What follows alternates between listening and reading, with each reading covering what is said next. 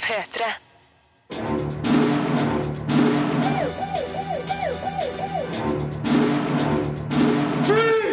Filmpolitiet! What's your name, dude? Eh, Birger Vestmo. What kind of stupid name is that? Spy leverer latter til godkjent karakter. Insidious 3 er en grøsser light for lettskremte. Det elleville nøttekuppet har en ujevn historie og svak humor. Kung Fury er en latterfest for dem som elsker 80-talls-action. Heroes of the Storm er en sterk utfordrer i verdens mest populære spillsjanger. Splatoon er et helsprøtt, fargesprettende skytespill for hele familien. Og Orange is the New Black sesong 3 er fremdeles et fengslende godt selskap. Og der har du stikkordene for de neste to timene her på P3.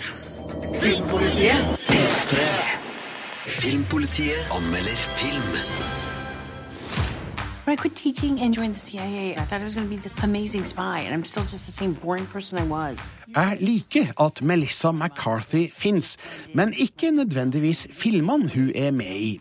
Spy kommer derfor som en hyggelig overraskelse, for det her er en frisk komedie som tar agentfilmer på kornet. Her får hun tatt i bruk sine udiskutable egenskaper som frekk komiker i en film som har overraskende voldelig innhold, noen skikkelig grove vitser og en gjennomgående morsom rød tråd om feminismens seier over machokulturen. Spy leverer latter til godkjent karakter. To another successful mission. I couldn't do what I do without you in my earpiece. Head down the tunnel. You got three coming in. Susan Cooper, spilt av Melissa McCarthy, er kontoragenten i CIA som hjelper feltagenten Bradley Fine, spilt av Jude Law. Når han plutselig forsvinner ut av bildet, må hun sjøl i ilden for å stoppe salget av en liten atombombe til terrorister.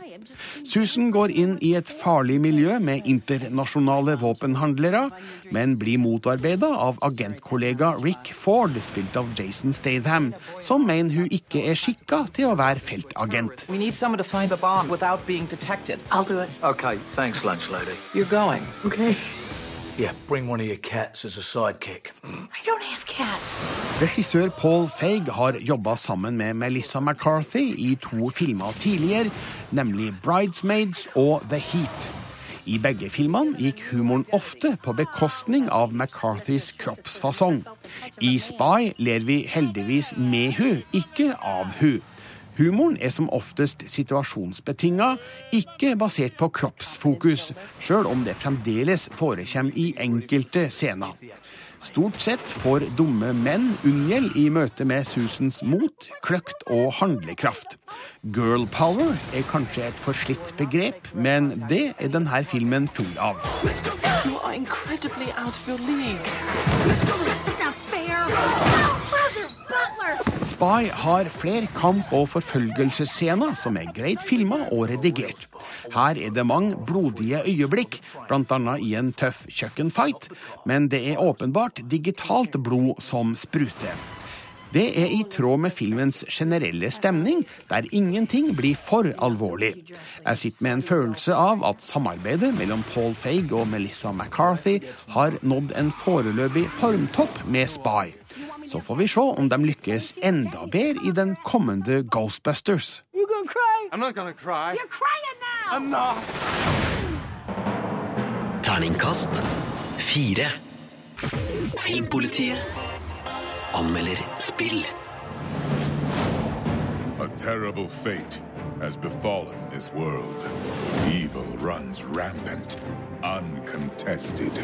I can stand by no longer, for I am justice itself. Det du hørte her, er lyd fra spillet Heroes of the Storm, som ble utgitt for PC og Mac på tirsdag.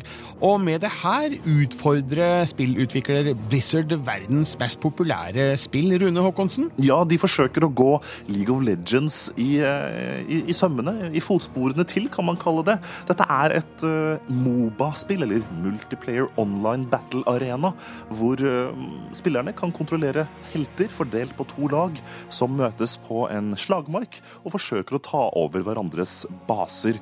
Eh, Dette er en oppskrift som er velkjent fra de siste åra. Også eh, kanskje noen kjenner til det som kalles eh, Defense of the Ancients, som hadde sitt utspring i, i Warcraft-spilla, eh, også kjent som Dotta på fagspråket, hvis vi kan si det, Birger. Ja. Men, men, men Blizzard gjør sin variant. De vet at det er en veldig populær sjanger. De samler alle sine spillhelter fra Diablo, fra Starcraft, fra Warcraft til Dyst, da i Heroes of the Storm.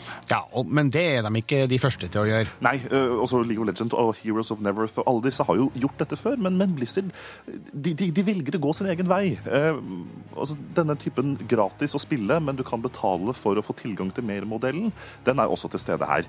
Og det er tydelig at eh, Blizzard vil du skal betale. Man får ikke noe gratis i, i, i døra her, altså. Det, det må jeg understreke. Men hva syns du om den businessmodellen fra Blizzard sin side? de, de leverer kvalitet, da. Og det er det som er viktig med Heroes of the Storm. For Blizzard har gått sin egen vei. De har fjerna seg fra noen etablerte normer i denne sjangeren. eh, Sånn at det er ikke veldig komplisert. Det er veldig OK for nybegynnere å gå inn og forstå dette. Den terskelen er veldig høy, f.eks. i League of Legends, syns jeg. Det er ikke sånn at man skal kjøpe eh, våpen og gjenstander underveis. Det er helt fjerna. I tillegg så deler alle spillerne på erfaringspoeng, så det er ikke lenger viktig å få det på en måte den siste slaget før noen dør, for å samle inn, inn det man får da. Så at de har forenkla det litt, men så er det da igjen design, brettutforming og utfordring og balanse. Alt dette er i toppklasse. Eh, Men så er det dette med betalingsgreier. Ja, hvis du klarer å se bort ifra det at du må betale noe for å få tilgang til flere helter, så er dette altså, gjennomgående høykvalitetsspill. Altså. Moba har ikke vært morsommere eller bedre på lenge. Nybegynnere vil finne seg godt til rette, men skal du låse opp én ny helt, så kan det koste opp mot hele 10 euro. Det syns jeg er stivt, men Blizzard gjør det fordi de vet de leverer kvalitet. Det er selvfølgelig mulighet med noen sånne pakker og sånne ting. Eh, Og skal du spille det uten å betale, ja, da kommer du til å bruke lang, lang, lang lang tid. Så jeg merker at jeg rives litt mellom det her, Birger, men kvaliteten i Heroes of the Storm er likevel utslagsgivende for meg, altså. Jeg liker det. Terningkast fem. Dette er Filmpolitiet på P3. P3. Og de nydelige tonene som kommer snikende inn i bakgrunnen her nå, det er fra en eh, Studio Ghibli-film, 'Prinsessen fra Vindens dal'. Og det er ikke helt tilfeldig, fordi i dag starter en Studio Ghibli-kavalkade på NRK3. Og det er det du som har satt i gang, Marte Hedenstad? Ja, for jeg er jo veldig veldig glad i eh, Studio Ghibli, det japanske animasjonsselskapet. Og i juni i år så fyller de da 30 år. Det er 30 år siden Studio Ghibli ble starta opp av Hayao Miyazaki og Isao Takahata, som er to ganske kjente japanske animasjonsfilmskapere. Um, og det har jo vi lyst til å feire, for vi er jo veldig, veldig glad i filmene til Studio Ghibli. Ja, for de som ikke vet helt hva Studio Ghibli står for, så er det jo da filmer som Shihiro og Heksene, Min nabo Totoro og mange skjønne, nydelige, poetiske, håndtegna animasjonsfilmer. Eh, Shihiro og Heksene går jo på kino i Norge nå med en ny norsk eh, dub, men eh, den er ikke blant de som skal vises nå. Nei, det du skal få se i juni, det er eh, den eh, filmen som vi hører musikken fra her, som du nevnte, Nauska, 'Prinsessen fra vindens dal', eh, Laputa, 'Himmelslottet', 'Min nabo Totoro' og 'Porco Rosso'. Og det er da sånn at i hele juni på NRK3 så er det en ny Ghibli-film da hver fredag. Og grunnen til at vi starter med Nauska, for det er egentlig litt grann juks, fordi at den ble laga i 1984. Eh, altså ett år før selskapet ble grunnlagt. Men det her var filmen som på en måte førte til at Hayao Miyazaki og Isao Takahata eh, ville lage Studio Ghibli sammen. Ja. Så derfor starter vi med den. Så det er en del av forhistorien til hele Studio Ghibli-eventyret. Yes. Du skal introdusere alle de fire filmene som vises de neste fire fredagene på, på NRK3. Hva, hva skal du avsløre da? Nei, da blir det bare sånn eh, I kveld skal du få se et fabelaktig eventyr, ja, okay. og bare fortelle litt om hva det handler om. Og så sette folk som på en måte ikke vet hva Studio Ghibli er, litt inn i, i, i, i hva selskapet er, da. For det er jo ikke alle som har hørt uh, om det. Um, og det er jo ikke alle som veit at de er 30 år. Så vi må liksom sette dem inn i at nå er det jubileum, og uh, det skal vi kose oss med. Så da er det bare å følge med på NRK3. Og det starter altså i kveld klokka 21.55. Introduseres da av Marte Hedenstad, så det blir en eh, veldig fin Ghibli-dominert eh, junifredag, både denne fredagen og de neste tre. Takk skal du ha, Marte. Takk skal du ha, Birger.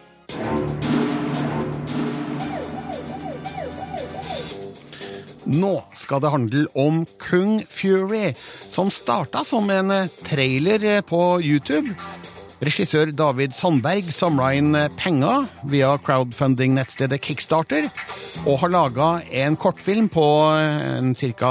halv times spilletid, som er lagt ut gratis på YouTube. Og dette er herlige saker. Det her har Sigurd Vik kikka på og anmeldt. Han gir deg gode grunner til hvorfor du må sjekke ut Kung Fury nå. Filmpolitiet anmelder film. You're under arrest. What? For obstruction of justice. You're breaking the law. Fury er et perlekjede av alt som var magekilende trashy og artig i 80-tallets kampsportfilmer, kampsportspill og lettbeinte politi-action-komedier. Kortfilmen, ja, for den klokker inn på 31 minutter, er en tettpakka energibunt av morsomme referanser, fantasifulle kung fu-stunts og cheesy, bra ordspill. You don't need that spine. It's holding your back. Før Kung Fury ble Kung Fury, var han en vanlig politimann i Miami. En dag ble partneren hans drept av en ond kung fu-ekspert. Vår helt blir så truffet av lynet, bitt av en kobraslange, og muteres til Kung Fury, den utvalgte, den dyktigste kung fu-krigeren i hele verden. Han hevner så sin partner og sverger på å bli den beste politimannen i verden.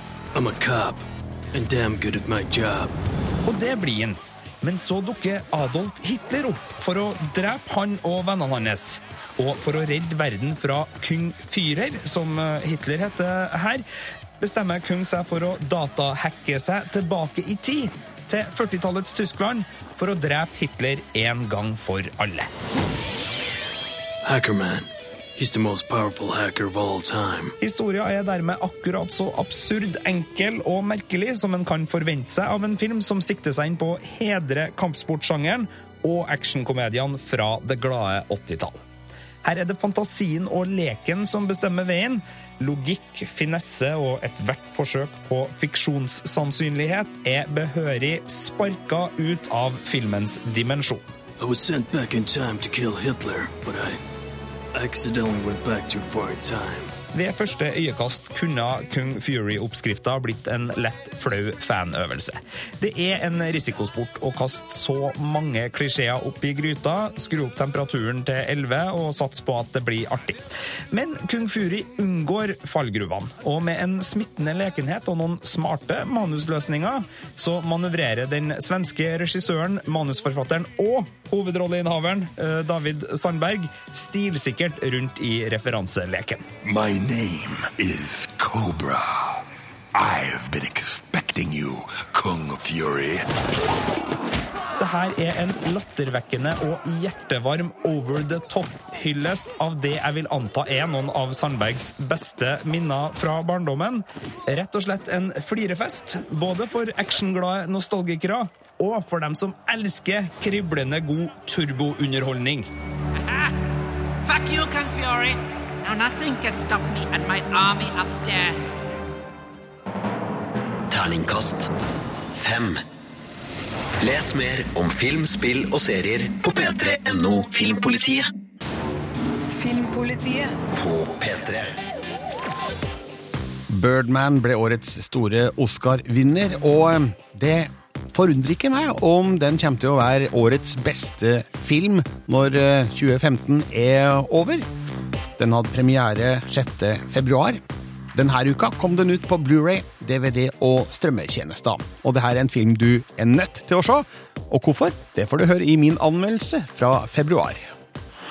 Filmpolitiet anmelder film. How did we end up here? This place is horrible. Smells like balls. Med Birdman, The Unexpected Virtue of Ignorance, har regissør Alejandro González Inaritu skapt et svimlende mesterverk, breddfull av nerve, originalitet og skapertrang. Michael Keaton spiller sitt livs rolle med en figur som har noen klare paralleller til hans egen karriere. Han filmes av et kamera som fanger inn stemninger, følelser og nyanser med syngende virtuositet, av og til akkompagnert av jazztromma. Denne filmen er frijazz. Den puster og lever. Den er en av de her filmene som bare må eksistere. Birdman er en berusende, livsbejaende og eksepsjonell bragd. We had it all. Star. Utgangspunktet er det her. Den gamle actionstjerna Riggan Thompson, spilt av Michael Keaton, forsøker å redde sin dalende karriere ved å sette opp et ambisiøst teaterstykke på Broadway i New York. Når en av hans skuespillere blir skada få dager før premieren, får Riggan mot all odds tak i kritikeryndlingen Mike Shiner, spilt av Edward Norton, som erstatter. Men Mike skal vise seg å være krevende å jobbe med, samtidig som Riggans egne demoner setter han på prøve. It, Dad. You're doing this because you're scared to death, like the rest of us, that you don't matter. And you know what? You're right. You don't. Historien fortelles på flere plan. Du har den håndfaste situasjonen på scenen og i kulissene, der Riggans interaksjon med skuespillere, stab og dattera Sam, spilt av Emma Stone, skildres som en vill runddans som er velkoreografert, men impulsiv og uforutsigbar på samme tid.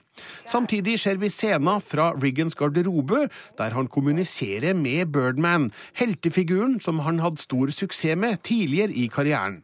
Birdman er styggen på ryggen, stemmen som forteller Riggan hvor verdiløs han er, og hvor katastrofalt hele teaterprosjektet kommer til å bli. Det er en intens og besnærende kamp i skjæringspunktet mellom fantasi og virkelighet. Alejandro González Inaritu veksler mellom filmens ulike figurer, situasjoner og stemninger med full kontroll over sine virkemidler. Fotograf Emanuel Lubeski danser rundt med sitt kamera både høyt og lavt i tilsynelatende endeløse tagninger, eksepsjonelt godt klippa sammen av Douglas Christ og Steven Mirione, som mystisk nok ikke er Oscar-nominert for det her.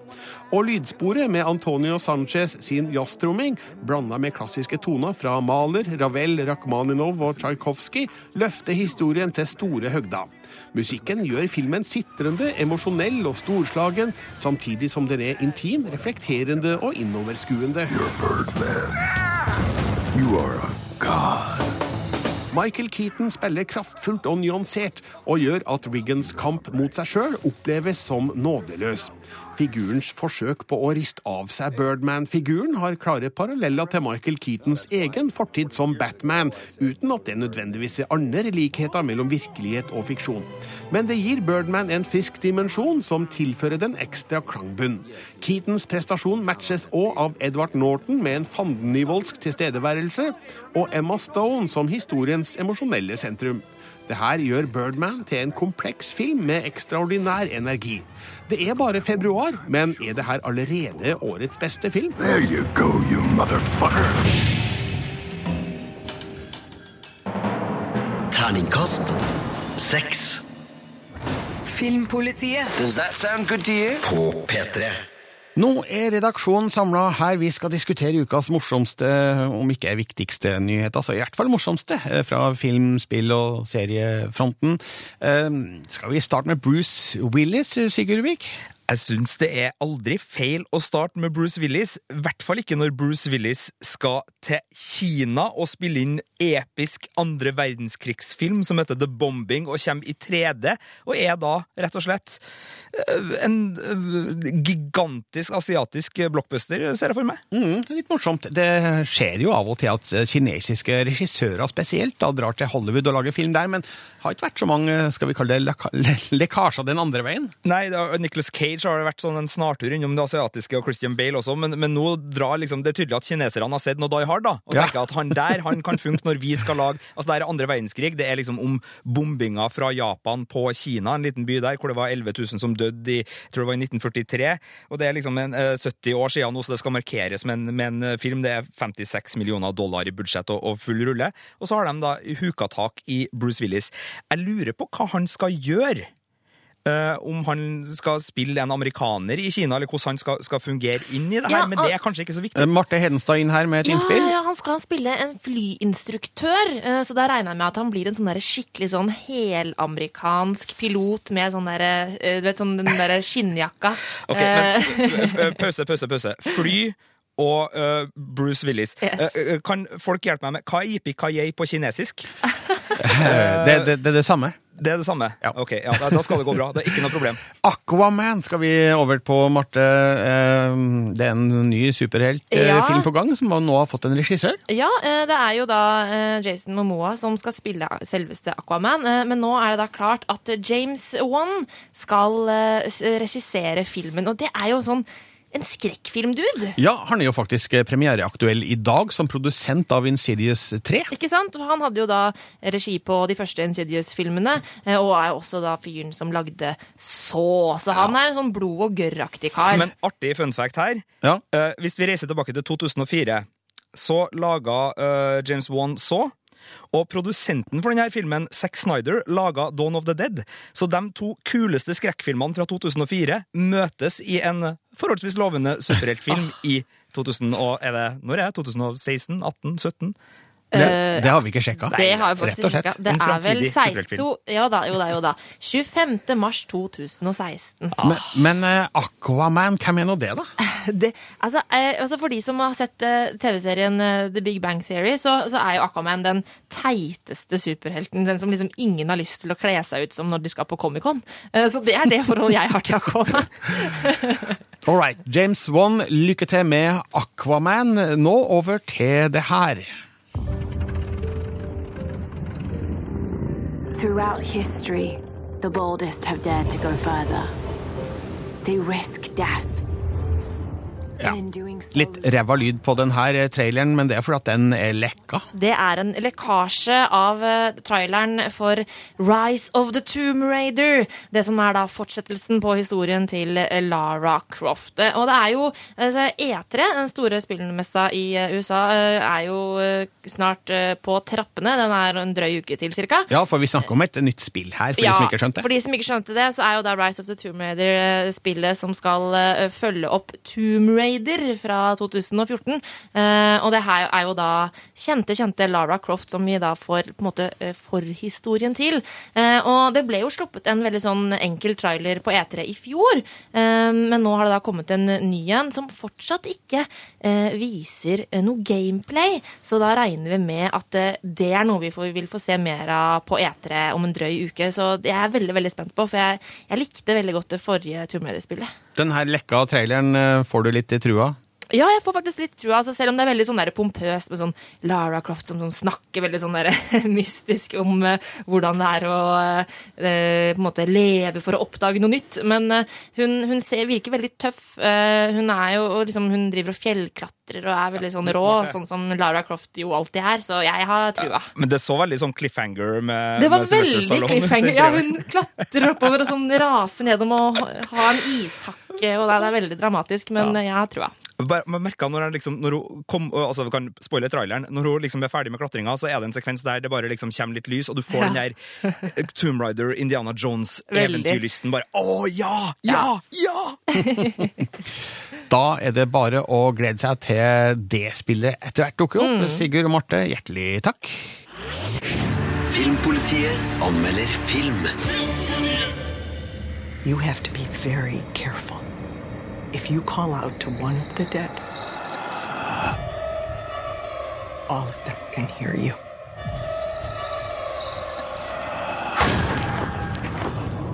Det er ikke nødvendig å ha sett de to første Insidious-filmene før du ser treeren.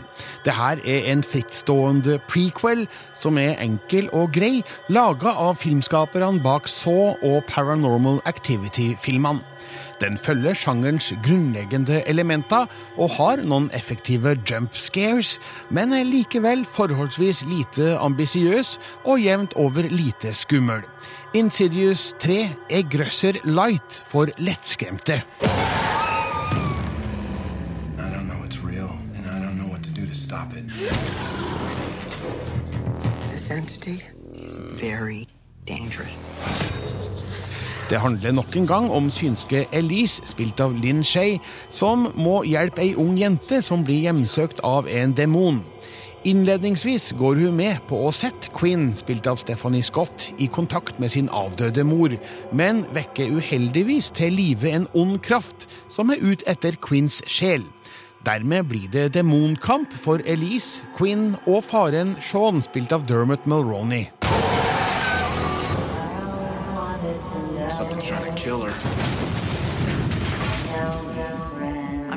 To go to where it lives.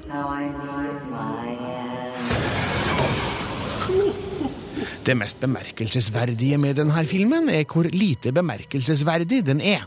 Regissør Lee Wannell fører et særdeles enkelt filmspråk som aldri hever seg over det middelmådige. Se for eksempel på scenene fra underverden, kalt The Further, der alt ser helt vanlig ut, bare mørkere og med mindre farger. Enten er det her fantasiløshet eller et økonomisk spørsmål. Askvatt skikkelig to ganger, det skal Wannell ha all ære for, men det er for lite uttelling i løpet av en hel spillefilm. What happened? I was thrown out of bed. If there was no one in your room, I would have seen them. It wasn't a person.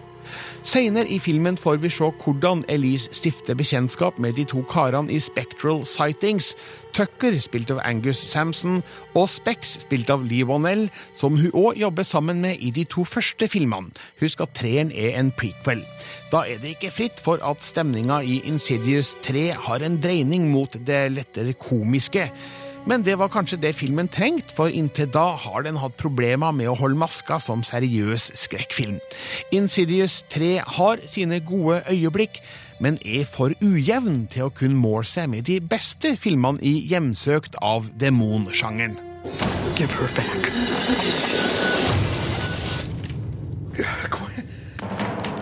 Terningkast tre. Filmpolitiet anmelder TV-serie. You know, the uh, hot one's back. Betty Page of Litchfield. How am I back here? Oh, it's so nice to see you guys back together. Maybe this is exactly where I am supposed to be right now. Stop trying to mold the real world into the one inside your pointy blonde head. The world is better in black and white. Ja, Om akkurat ei uke byr Netflix på et eh, gledelig gjensyn for mange. Et gjensyn med tykke murvegger, fordømmende familiemedlemmer og en aldeles herlig kriminell gjeng kledd i oransje uniformer. 12. juni åpnes portene til Litchfields kvinnefengsel, og den tredje sesongen av Orange is the New Black. Sigurd Vik, du har sett eh, de seks første episodene av sesong tre?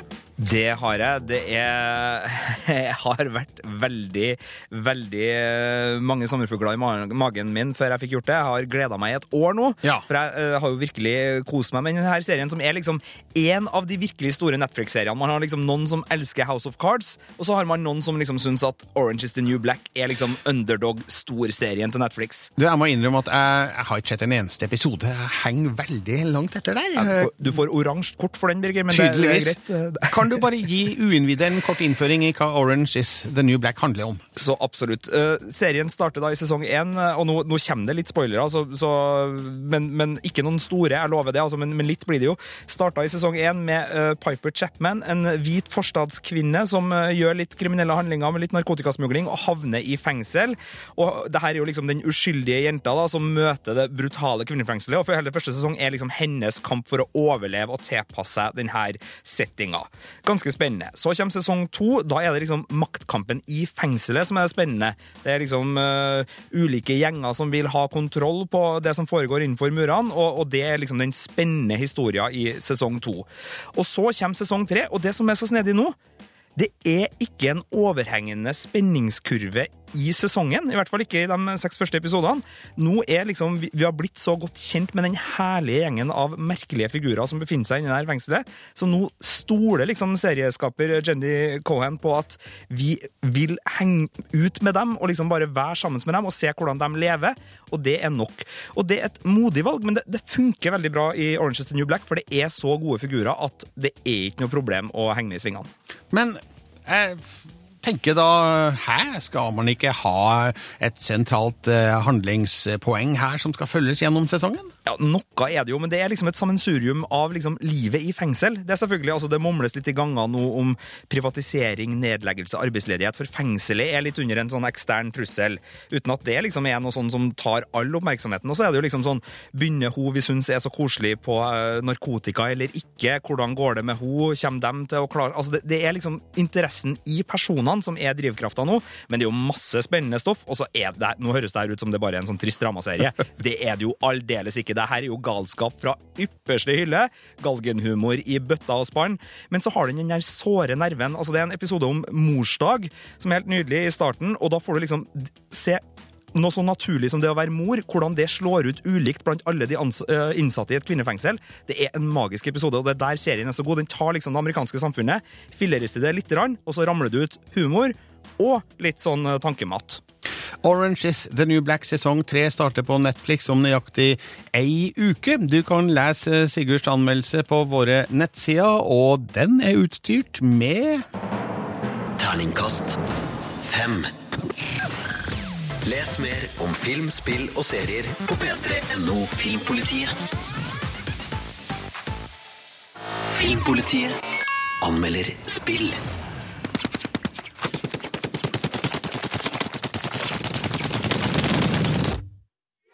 Ja, Marte Hedenstad, eh, du har spilt eh, Splatoon, og du kalte et, eh, et spill for hele familien. Men Ja. her var det jo masse skjøting. Det hørtes jo skikkelig voldelig ut. Ja, men det der er skyting med paint gun.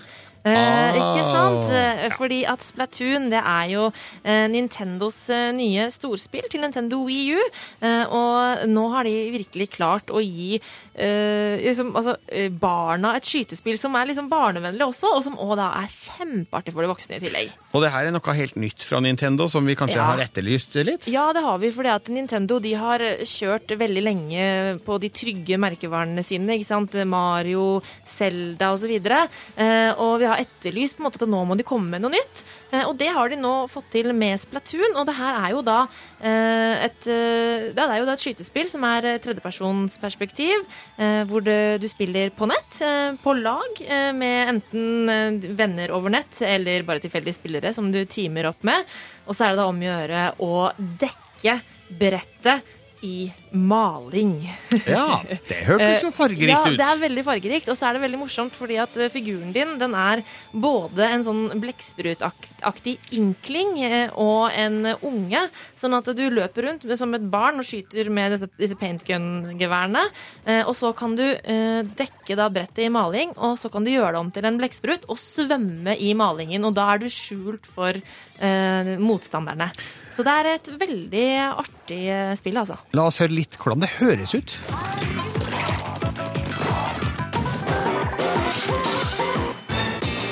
Litt sånn frenetisk happy-happy Veldig frenetisk happy opplegg. happy. Eh, og det er, eh, som du sier, veldig frenetisk, men det er veldig morsomt. eh, og det er et høyt tempo.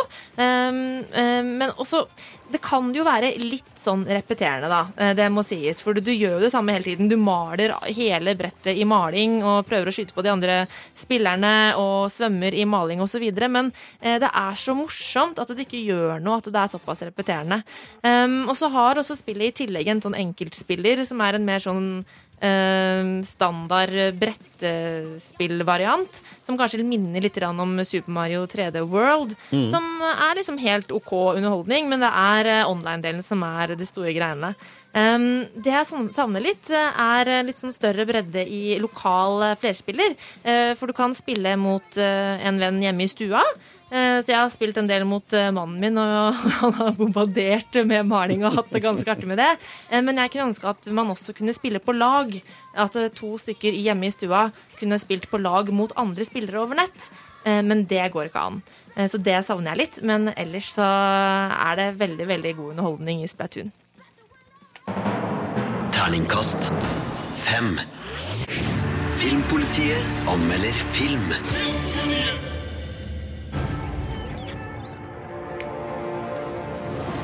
Hellige Makademia, lunsjen er servert.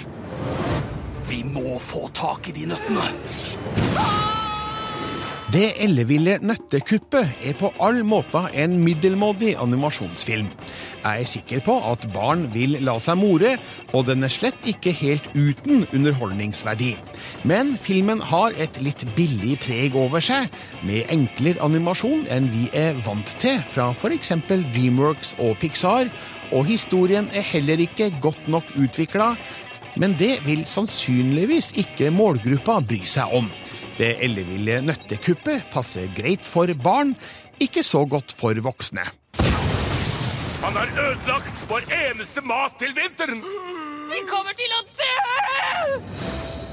Handlinga er lagt til en bypark. Det egosentriske ekornet Egon planlegger et raid mot en nøttebutikk, og må motvillig la sine tidligere parkvenner bli med, siden han nettopp har forårsaka en matkatastrofe. Det blir en farlig jobb, for nøttebutikken viser seg å være skalkeskjul for skurker som planlegger å rane banken på den andre sida av gata. Dessuten er det noe mistenkelig ved Vaskebjørn, som er sjefen i parken. Ok, vi fikser en gjeng, vi bryter oss inn, men vi gjør det på min måte. Vi skal komme oss inn og servere vintermat i parken. Er du sprø? Menneskene har lagt feller overalt. Historien fortelles i et rasende tempo, som er bra for all med nedsatt tålmodighet og konsentrasjonsevne. Men det er dårlig for dem som liker animasjonsfilmer som går under overflata og forteller historier med litt dypere emosjonell resonans, slik spesielt Pixar er flinke til. Det er flere potensielt fine figurer i det elleville nøttekuppet, men ingen av dem får tid til å sette seg skikkelig, og blir i stedet flyktige karikaturer. Igjen, det her er voksenklager som barna glatt overser, men for meg gjør det her filmen litt mindre attraktiv. Det er showtime! Vi graver her. Fra smuget inn i kjelleren. Jeg graver ikke. Det er fordi du ikke kan se noe. Hva? Humoren er òg ganske kjedelig og forutsigbar.